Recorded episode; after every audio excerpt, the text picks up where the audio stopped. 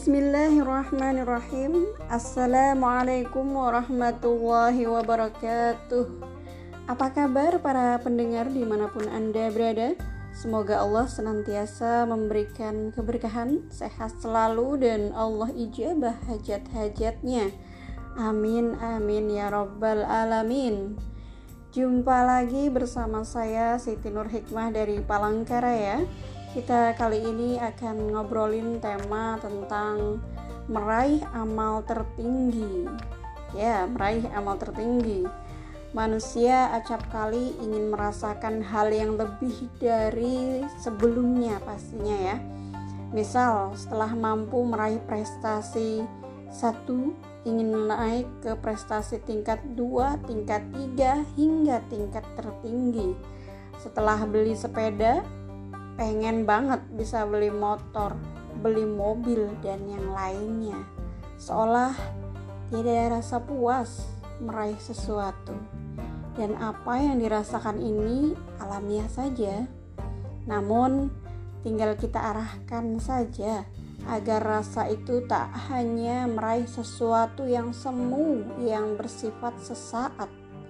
Maka, mestinya kita mampu meletakkan capaian level amal tertinggi itu sesuai dengan standarnya Allah dan Rasulnya.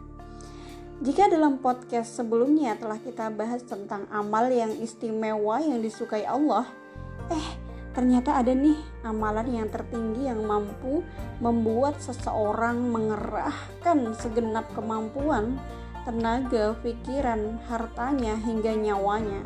Masya Allah, penasaran gak sobat pendengar dengan amalan yang satu ini? Amalan yang bikin orang terkaget-kaget menemukan timbangan amal kebaikannya semakin bertambah beratnya.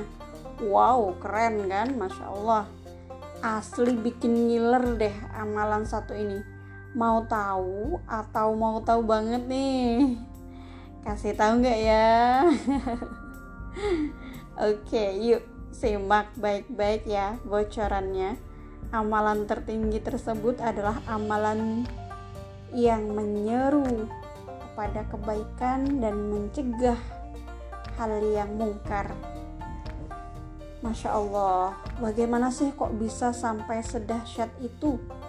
Allah Subhanahu wa Ta'ala telah berfirman dalam Quran surah Al-Fusilat ayat 33 yang artinya siapakah yang lebih baik perkataannya daripada orang yang menyeru kepada Allah mengerjakan amal yang soleh dan berkata sesungguhnya aku termasuk orang-orang yang berserah diri Syekh Muhammad bin Saleh Asyawi dalam kitabnya Nafahat Al-Makiyah menafsirkan surah Al-Fusilat ayat 33 dia mengatakan tidak ada yang paling baik ucapannya, jalannya, dan keadaannya yaitu dengan mengajarkan orang-orang yang tidak tahu menasehati orang-orang yang lalai dan berpaling serta membantah orang-orang yang batil kata Syekh Muhammad bin Salih Asyawi selain itu juga dengan memerintahkan manusia beribadah kepada Allah dengan semua bentuknya,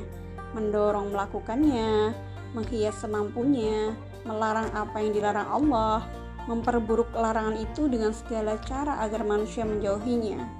Terutama sekali dalam hal ini adalah mengajak manusia masuk Islam agar mereka mengikrarkan la ilaha illallah menghiasnya, membantah musuh-musuhnya dengan cara yang baik, melarang hal yang berlawanan dengannya berupa kekafiran dan kemusyrikan, serta melakukan amar ma'ruf nahi mungkar, termasuk dakwah ilallah adalah membuat manusia mencintai Allah dengan menyebutkan lebih rinci nikmat-nikmatnya, luasnya kepemurahannya, sempurnanya rahmatnya serta menyebutkan sifat-sifat sempurnanya dan sifat-sifat keagungannya kata beliau.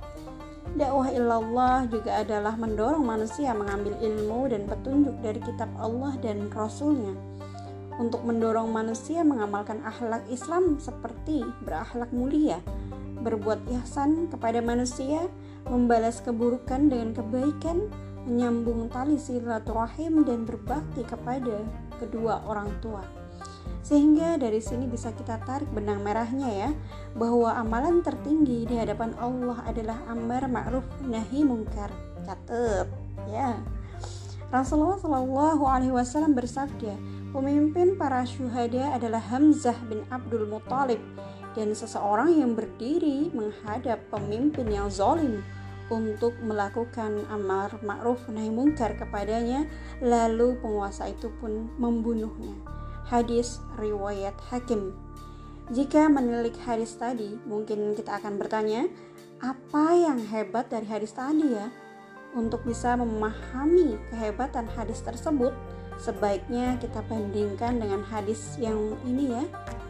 Penasaran ya?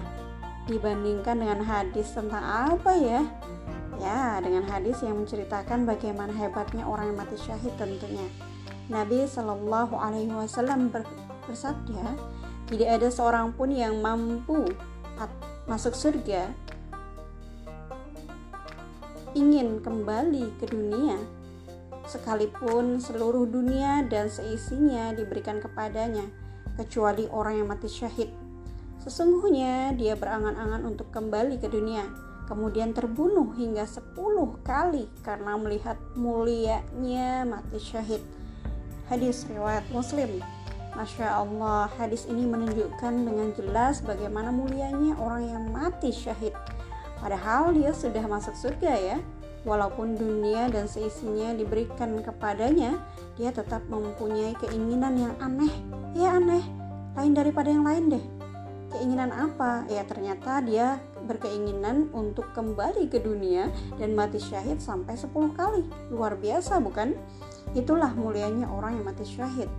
Ada juga hadis yang lain yang menunjukkan hal yang sama, yaitu bagaimana mulianya orang yang mati syahid. Nabi Shallallahu Alaihi Wasallam bersabda, tidak ada seorang pun hamba yang meninggal dunia di mana di sisi Allah dia mendapat balasan yang lebih baik sehingga membuatnya berhasrat untuk kembali lagi ke dunia. Dan sungguh dia mendapatkan dunia dan seisinya kecuali mati syahid karena dia mendapatkan keutamaan mati syahid. Sungguh dia menginginkan untuk kembali ke dunia kemudian berperang dan mati syahid sekali lagi. Hadis riwayat Bukhari Lantas, setelah kita memahami bahwa kematian yang paling tinggi nilainya di sisi Allah Subhanahu wa taala adalah mati syahid. Saya yakin setiap muslim yang memiliki iman yang kuat insya Allah memimpikan ingin mati syahid. Mereka akan bercita-cita ingin mati syahid. Mereka menempuh berbagai cara untuk mati syahid. Pokoknya jika ada orang Islam yang tidak memimpikan untuk mati syahid, maka imannya diragukan. Betul nggak? Namun demikian, yang menjadi masalah adalah bagaimana caranya agar kita bisa mendapatkan mati syahid. Padahal untuk mendapatkan mati syahid, orang itu harus ikut berperang di jalan Allah, yaitu jihad fisabilillah. Sementara sekarang ini kondisi di Indonesia sedang aman dan damai, tidak ada perang. Lantas bagaimana kita bisa memperoleh syahid itu? Bagi setiap muslim yang sudah bermimpi untuk mati syahid, tapi kesulitan untuk mewujudkannya, insya Allah masih ada jalan keluarnya. Dengan apa? Jawabnya dengan hadis yang pertama. Jika kita mau membaca kembali secara mendalam pada hadis pertama, ternyata kita akan menemukan informasi yang luar biasa dari Rasulullah Shallallahu Alaihi Wasallam. Informasi apa? Rasulullah Shallallahu Alaihi Wasallam mengabarkan kepada kita, khususnya yang sudah memimpikan syahid. Ternyata di antara para syuhada itu ada pemimpinnya loh. Dialah orang yang menjadi penghulunya para syuhada. Dialah orang yang paling mulia di antara mulia atau semulia-mulianya para syuhada. Dialah orang yang mati syahid dengan derajat paling tinggi, paling mulia. Siapakah dia? Ternyata yang disebut oleh Rasulullah Shallallahu Alaihi Wasallam dalam hadis tersebut adalah pamannya, yaitu Hamzah bin Abdul Muthalib. Masya Allah, luar biasa bukan? Kelanjutan hadis tersebut menyebutkan bahwa pemimpinnya syuhada ternyata tidak hanya Hamzah saja loh, tetapi juga untuk seseorang yang berani menghadap pemimpin zolim untuk melakukan amar ma'ruf nahi mungkar kepadanya lalu penguasa itu pun membunuhnya. Nah sekarang sudah ditemukan kan amalan tertinggi itu? Jika kita ingin mendapatkan derajat yang paling mulia di antara para syuhada adalah dengan amalan amar ma'ruf nahi mungkar kepada penguasa yang zalim. Siapa penguasa yang zalim itu?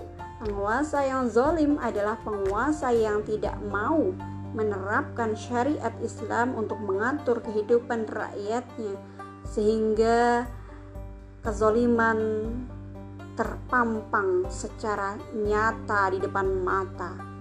Inilah kesempatan emas untuk kita bisa meraih amalan tertinggi, yaitu menjadi pemimpinnya para syuhada. Apakah Anda berminat? Marilah kita berlomba-lomba untuk meraihnya dengan melakukan amar ma'ruf nahi mungkar tersebut. Semoga Allah izinkan kita ya, termasuk orang yang mampu meraih amal tertinggi ini. Demikian obrolan kita tentang meraih amal tertinggi. Semoga bermanfaat. Saya Siti Nur Hikmah mohon undur diri dari ruang dengar Anda. Salam cerdas, tetap semangat, bersegera raih ampunan Allah.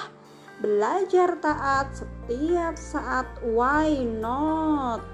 Wassalamualaikum warahmatullahi wabarakatuh. Illa liqa.